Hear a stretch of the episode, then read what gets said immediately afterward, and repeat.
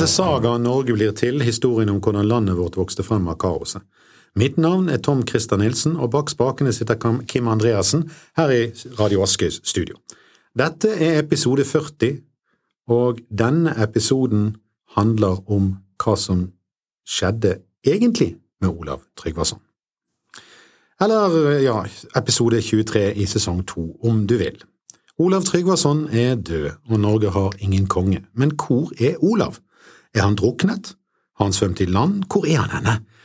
Vi samler oss nå til et likskue over Olav. Hva skjedde egentlig i de siste minuttene på Armen Lange? Dette tenkte og helt uh, eventyraktige rettstinget, som er en historie og ikke virkelighet, er satt på Gulating i år 1001 eller 1002. Det skjedde aldri, men av og til så kan det være spennende å se hva som hadde skjedd om vi hadde gjort det sånn. På denne måten får vi fram noen av de historiene som ble fortalt om Olav etter hans død, for som Snorre skriver, det var straks mange som sa at kong Olav skulle ha dratt av seg brynjen under vannet og svømt under vannet under langskipene og siden kommet bort til Vendersnekken, og da hadde Astrid, Astrids menn ført han til land. Om det er siden gjort mange frasegn av noen menn om kong Olavs ferder. Men hvorledes det nu har vært, så kom kong Olav Tryggvason aldri siden til riket i Norge.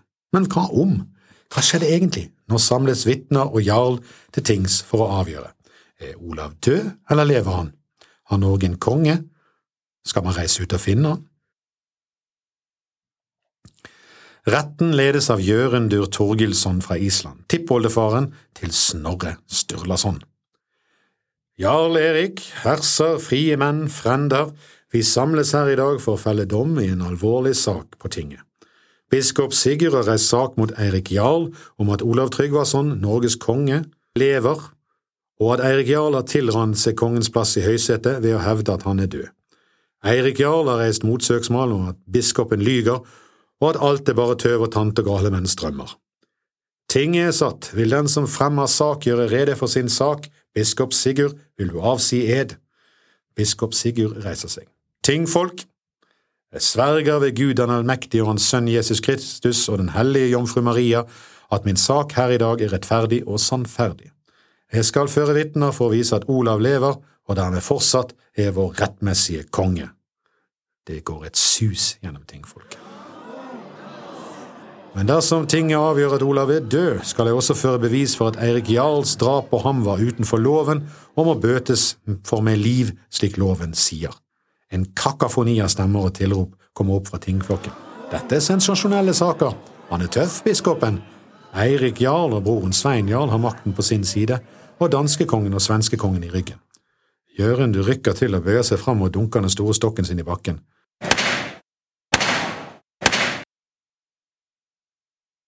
Ro dere ned, ikke kakk som kvinnfolk. Eirik Jarl, hva har du å si til dette? Eirik Jarl skritter frem, tar et godt tak i beltet sitt og svarer. Tingfolk! Jeg sverger ved Kritikist, og jeg sverger ved Thor, å legge frem sannheten her. Ingen savner Olav. Han tvang oss til en tro, og alle vil vel være enige at det er bedre når hver mann får tro det han vil. Om han vil kysse blodpålen eller korset, får være hver manns eget valg. Jeg hevnet min far, slik skikk og lov krever, ved å drepe min fars morder. Ingen kan laste meg for det. Og hva gjelder om Olav lever, ingen har sett han siden slaget, og om han så er levende eller død, så la han tre fram her og, vis, og ta sin krone om han lever. Tingfolket syntes Eirik talte godt, og det var mye nikking og bifall. Eirik får bifallende nikk også fra sin bror. De har ingenting, med mindre Olav sjøl vandrer inn her, tenker han. Gjørende reiser seg, vi har vårt første vitne, og etter rang og tradisjon er det Einar Tambarskjelvet. Einar, hvem sverger du på, og hvem sin mann er du? Jeg sverger ved Kvitekrist. Jeg var Olavs mann, og er Eiriks mann nå. Kan du fortelle med dine egne ord hva som skjedde ved slagets slutt? Det var harde tak, og vi var noen få mann igjen bak ved løftingen som verna kong Olav og dronning Tyra. Jeg så Eirik Jarl komme mot oss med sine menn. Vi skjønte at det gikk mot slutten. Jeg snudde meg mot kongen for å spørre om hva vi skulle gjøre nå. Da smalt det en stein i øret mitt, du kan fortsatt se hvordan det skada øret. Jeg falt i uvett og var borte fra verden i kort tid. Da jeg våkna igjen, var kongen vekk. Så du ikke hvor han ble av? Nei. Men så det noen som kunne si om kongen var skadet eller døende? Jo, det rant bloddråper ned fra haka hans fra under hjelmen. Så kongen var skadet? Ja, det var han. Var han hardt skadd, kunne det være banesår. Lov, Seinemann, biskopen reiste seg, det er ikke rett at Einar svarer på det, han er ikke legekyndig, og dessuten så er han Eiriks mann. Det er riktig nok, sa Jørundur. Neste vitne etter rang og orden er Sigvalde jarl Jomsviking. Hvem sverger du ved, og hvem sin mann er du? Jeg sverger ved Tor Odin, jeg er kong Sveins mann, Eiriks fyrste. Ja, vi lå altså og så på slaget, vi var litt usikre på hvem det var som sloss. Vi hadde ikke noe del i dette, så vi var ikke trygge på hvilken side vi burde legge oss på, og da vi til slutt fant ut at det var vår konge, Svein Tjugeskjegg, som sloss mot Olav, så rodde vi til og var med på sluttkampen. Jeg så personlig Olav Tryggvason blodig der i løftingen gå over bord og drukne. Han gikk over bord med sverd, skjold og brynje, det var ingen sjanse at han kunne ha svømt videre med den tyngden. Han gikk rett til bunns, ingen tvil. Vi sikret oss det fra skutene våre, vi passet på. Hadde han stukket hodet opp, ville vi sett det. Jørund takket ham for et klart og tydelig vitnemål. Neste vitne er Skule Torsteinsson, Eiriksmann. Hvem sverger du ved? Jeg sverger ved Thor. Vi var hardt i kamp mot løftingen og kongen. Jeg søkte bakover der med Eirik Jarl.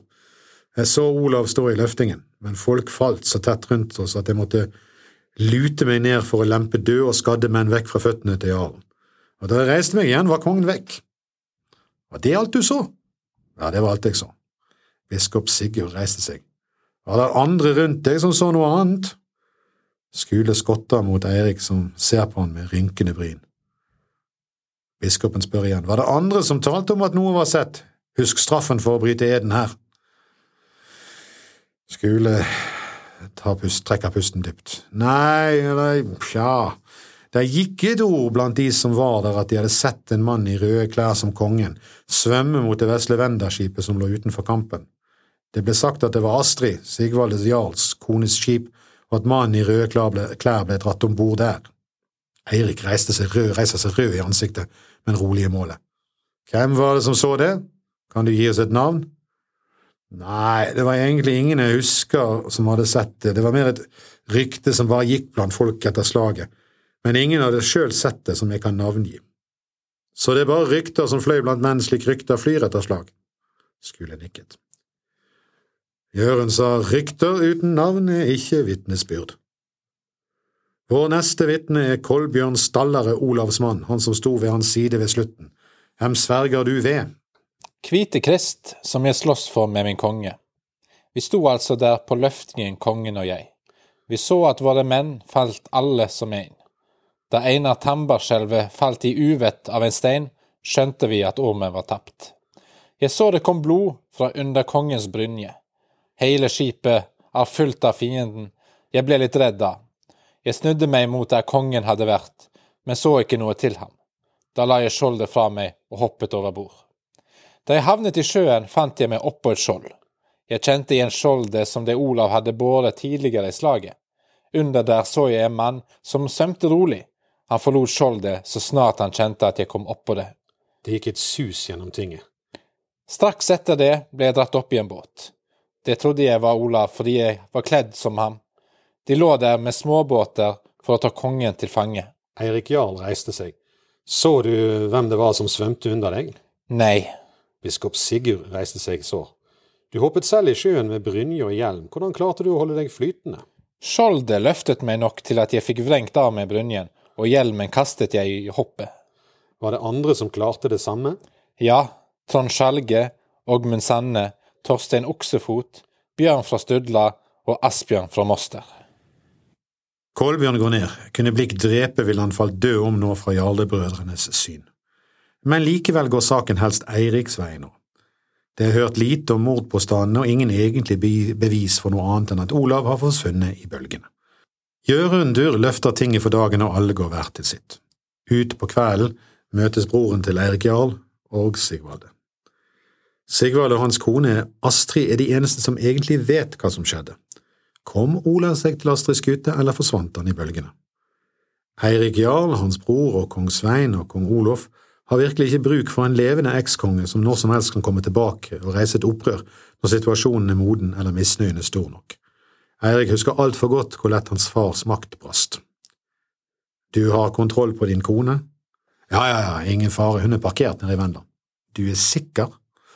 Ja, ja, og ingen vil tro på en kvinne uansett, sier Sigvalde. Jeg håper det er for din skyld. Svein, vil, Svein konge vil ikke se blidt på det om han får en levende kong Olav hengende over seg. Men Sigvalde har som ofte før ikke kontroll på sin kjære Astrid. Hun fremstår som oftest både modigere, mer rettvis og klokere enn sin mann. Ikke så uvanlig det, om en spør de fleste kvinner som har vært gift med menn de siste par tusen år. Når dagen gryr, er Jørundur egentlig klar til å avsi dom i saken om Olav lever. Han samler tinglyden igjen. Vi har hørt vitner og eder, og det begynner å stå klart for oss hva som er skjedd. Ingen har sett Olav etter slagved, og Sigvald Jarl har fortalt oss… Men så blir det uro. Et skip har ankommet. Det er et vendisk skip. Biskop Sigurd reiser seg sakte. Lov seg, mann. Vi har et vitne til, om du vil være så god. Et vitne til? Ja vel, hvem er han? Biskopen kremte. Eh, det er, ikke det er ikke en han, det er en hund. Det er Astrid Kongsdatter, Sigvalde Jarls kone. En kvinne? Dette er høyst uvanlig. Eirik Jarl spretter opp. Lov, sier man, dette går ikke an, en kvinne. Og attpåtil Sigvalde Jarls kone, en kan ikke be en kone vitne mot sin husbond. Og en kvinnes vitnesbyrd, det teller ikke, husk ordene i overmål. På møye ord er uvist og lite, og på det som kvenn i kved, for på kvervande hjul, der i Arthur vart skapte, brigd i brjost vart lagd. Lov, sier man, nikker alvorlig. Ja, det er mye, mye sant i det. Biskop Sigurd skyter inn. Hva kan det vel skade å høre henne, vi er jo alle røynde menn her som kan vite når en kvinne taler sant og usant. Generell hosting og harking blant tinglydene. Gjørundur er usikker, men nysgjerrigheten tar overhånd. Ja, vi får høre, Astrid vitne, men legg på minne alle at en kvinnes ord teller ikke like mye som en mann. Astrid trer fram. Hvem sverger du på? Jeg sverger ved Jesus Kristus og hans mor den hellige jomfru Maria. Jeg advarte Olav før han dro om at det var et bakhold. Jeg hadde overhørt et sendebud som kom til min mann om dette, og hvor det skulle skje. Men Olav ville ikke høre, han ville ikke vike for noen, og trodde ikke på slike rykter. Så da Olav og min mann la av sted, fulgte jeg og mine menn etter i et mindre skip. Vi tilbød oss å kjempe med Olav i slaget, men han takket nei. Jeg tror det var for å ha en vei ut dersom det gikk galt, noen venner som kunne plukke ham opp og få ham vekk. Det er før fortalt, og alle vet hvordan slaget gikk. Olav hoppet i sjøen, og som Kolbjørn har fortalt, han svømte under vann bort til oss.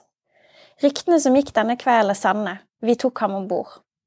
Vi dro tilbake til Vennland, stelte hans sår i hodet og i bringen. Jeg tilbød ham land etter Geira i Vennland, men han takket nei. Jeg tror han på mange måter hadde mistet viljen til å være konge etter dette. Han ville ikke kjempe mot brødrene i troen, sa han. Jeg foreslo å følge han til kong Adalråd, hans venn i England. Han takket nei til det også. Da spurte jeg ham hvor han ville. Han ville dra til paven i Roma. Jeg utstyrte han for reisen og lot ham dra.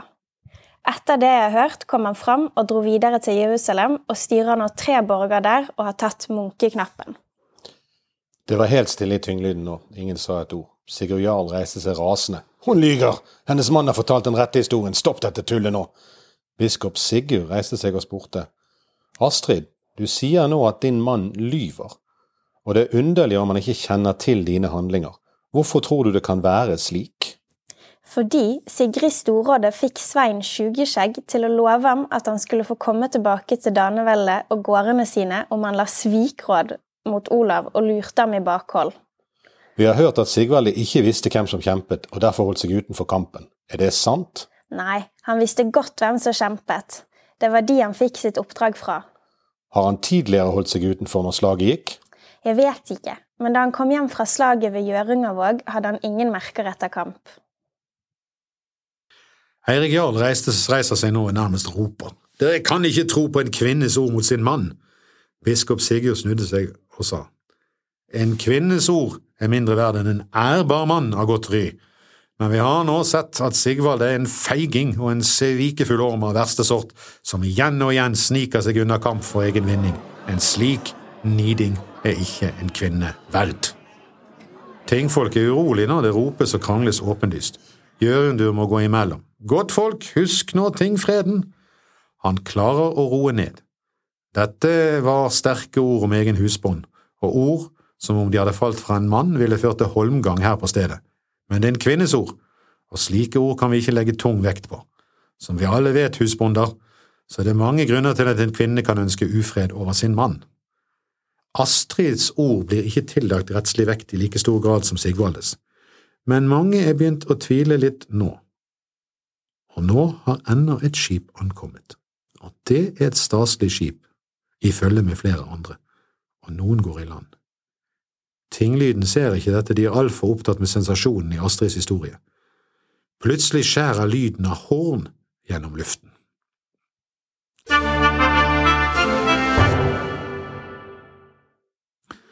Det kommer opprørte stemmer fra utkanten av tinglyden. Hva er dette? roper Jørunder. Det er kongen, kongen, lyder det fra flere stemmer. Kongen? Hvilken konge? Svein Tjugeskjegg? Olof Svea-konge? Eller kan det være, kan det være Olav sjøl som trer fram? Fram kommer et følge av godt bevæpnede hirdfolk. De blir stoppet ved Tingvollen, her må våpenet legges ned. De nekter, det blir mer uro. En staselig kledd skikkelse trer fram og ber de legge fra seg våpenet. Tingflokken deler seg i to der hans menn skrider fram mot lovseiermannen og den staselige karen etter. Jøren retter seg opp, litt uh, usikker, og spør hvem er det du som bryter inn i vår ting? Mannen legger hodet på skakke og smiler lett mot Jørundur og gir et tegn. En av hans menn trer fram. Her står Athelred, konge av Wessex og hele England. Dette mannen som nå i flere år har kjempet mot stadige angrep fra Svein Tjugeskjegg, og, eh, og Svein har jo lovet å ta England. Bare for å få en pause for denne Athelred da Svein skulle ta en hånd om slaget ved Svolder. Det er samme mann som betalte Olav 22 000 pund for å dra sin kos. Nå står han her, og han har noe å si. Og hvorfor det? Jo, han har all interesse av å skape usikkerhet hos sin fiende Svein Tjugeskjegg og hans allierte. Dessuten er Olav på mange måter hans venn og den eneste som har klart å dra Svein Tjugeskjegg bort fra England. Hvem sverger du på, og hva har du å si? Jeg sverger på det hellige ord og Kristus blod. Kongen sier kort. Olav lever. Nå eksploderer hele tinget. Hva er det som skjer? Hvorfor står denne fremmede kongen her? Hva er det som skjer? Eirik Jarl reiser seg, og stemmen hans skjærer gjennom støyen. Har du noe bevis på det? Hvem er du som tør å antyde at jeg lyver? Jeg er Eirik Jarl og styrer her. Kongen gir tegn til en av sine mann, menn som gir han en bok, eller en sammenbundet samling av pergament. Her Olav Tryggvasons saga, skrevet av ham selv, og for alle som kjenner ham, kan de si at det her er hans tydelige gjærtegn. Denne boken ble gitt til noen av mine menn på Pilgrimsford i Jerusalem, fra Olav selv. Her er også sagaene til sju andre hellige menn. Eirik står som lamslått, og ting er helt tyst. Jørundur bøyer hodet for kongen og gjør et forsøk for å få det hele på skinner igjen. Ja, vi takker kongen for hans vitnemål. Er det noen som kan kjenne Olavs gjærtegn her? Kolbjørn Stallare og Einar Tambarskjelvet blir skubbet fram av tinglyden. Einar kikker usikkert på Eirik Jarl, men Einar er en mann av ære i alle sammenhenger. Og ja, han må innrømme at det er Olavs merker, og det bekrefter Kolbjørn Stallare òg. Jørundur ser ingen annen utvei enn at han må føre prosessen videre. Eirik Jarl, har du noe å si før vi avslutter vitneførselen? Eirik reiser seg. Jeg har dette å si. Her i dag kommer dette an på om hun vil høre på rykter, kvinnfolk og fremmede konger eller ærbare norske menn. Hvem som helst kan sette et merke på et kalveskinn, det beviser ingenting. Olav er død og borte, og jeg fikk han drept som rettferdig hevn for min far. Biskop Sigurd? Dere har alle hørt vitnesbyrdene her, det står mellom de som har sett noe og de som ingenting har sett. Kolbjørn så en mann svømme under kongens eget skjold. Mange så han bli tatt om bord i Astrids skip. Astrid fortalte at han ble tatt om bord og tatt vare på at han dro til Jerusalem. Kongen av Guds nåde, Adelråd, har selv fortalt hvordan hans menn møtte kongen og fikk bevis med seg hjem. I Olavs saga er skrevet ting ingen annen enn han kunne vite, og hans hjertegn står her. Han lever, og mordet på han var svik av verste sort mot egen konge. Svein Jarl, broren til eh, Eirik, roper til sin, navn, sin, til sin biskop. Om han så er levende, så la han tre frem her på tinget, da. Men ingen Olav dukker opp. Jørundur har en vanskelig avgjørelse å ta og ber om å få sove på det. Om natten er det mange som ikke får sove. Svein Jarl er mest aktiv. Først snakker han til sin bror. Vi får avgjøre dette med sverd, for å drepe den plagsomme presten. Nei. Eirik Jarl er bestemt. Vi kan ikke bryte tingfreden. Dessuten, den engelske kongen ligger her med hundre mann fra sine huskarler. Det ville bli et blodbad, og vi ville få det tungt for å vinne det slaget. Vi får heller tenke litt listigere. Her er en pung med sølv, og finn den vakreste av de trellkvinnene vi har med oss, og se om ikke det er noe som kan gjøre denne lovseide mannen mer vennlig stemt mot vår sak. Jørundur sitter ved talglys med hodet i hendene. Hvordan skal han komme ut av dette uten å miste hodet? Og Da entrer Svein Jarl et teltet hans. Her er to små gaver fra Erik Jarl. Han er trygg på at du vil ta en god avgjørelse i morgen. En pung med sølv blir lagt på Jørundurs bord, og en jente blir ført fram. Det er ikke på noen måte uhørt, dette, egentlig. En gave er vel mottatt. Biskop Sigurd er ikke dårligere, det vil si, det er han. Han besøker også lovseidemannen med en pung sølv og litt vin og en advarsel om evig fortapelse dersom Jørundur ikke tar den rette avgjørelsen. Svein Jarls advarsel er mer tydelig av denne verden. Husk at tingfreden ikke varer evig. Når morgenen gryr, er spenningen til å ta og føle på. Stillheten faller over Tingvollen og Gjørendur stiger, stiger frem. Han har en vanskelig sak. Hvordan kan han unngå å miste hodet, og at det blir ufred? Gjørendur begynner å snakke. Konge, jarler, herser, frie menn og frender, jeg har veiet denne saken nøye. Vi har klare vitnesbyrd om at kongen var såret både i hodet og i brystet. Likevel har vi ingen som så at kongen fikk sin bane. Vi har vitnesbyrd fra Sigvalde, som mener å ha sett at han ikke kom opp av havet, mens hans kone forteller en annen historie. Når manns står mot kvinnes, må manns tros. Men denne mannen har vist igjen og igjen at han ikke er til å stole på. Så har vi kongen som viser en bok som Olav skal ha skrevet i. Men hvem som har skrevet i boken, er vanskelig å vite. Dette er en vanskelig sak. Så er det saken om mordet. Det er rett og god lov at en sønn kan hevne sin far, men for å hevne sin fars drap så må han hevne seg på den som drepte han. Det var ikke Olav som drepte Håkon Jarl, det var trellen Kark. Olav hevnet Håkon ved å drepe Kark. Derfor har ikke Eirik noen rett til blodhevn på Olav, i beste fall en bot for hvordan han skamferte liket. Og bråket starter nå på tinget. Men rolig nå, tingfolk. For det er alle som har vitnet oss og om også enig i at Eirik ikke drepte Olav. Olav var levende før Eirik nådde ham og hoppet over bord før han kunne nå ham. Siden Eirik ikke drepte ham, er han heller ikke morder. Svein Jarl klapper Eirik Jarl på ryggen. Der ser du, penger og piker virker. Og til om Olav er i live eller ikke, sier Jørundur. Han var i live da han hoppet fra skipet.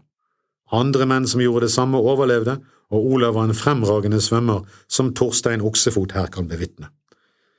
Derfor holder jeg det for usannsynlig at han skal ha druknet uten videre.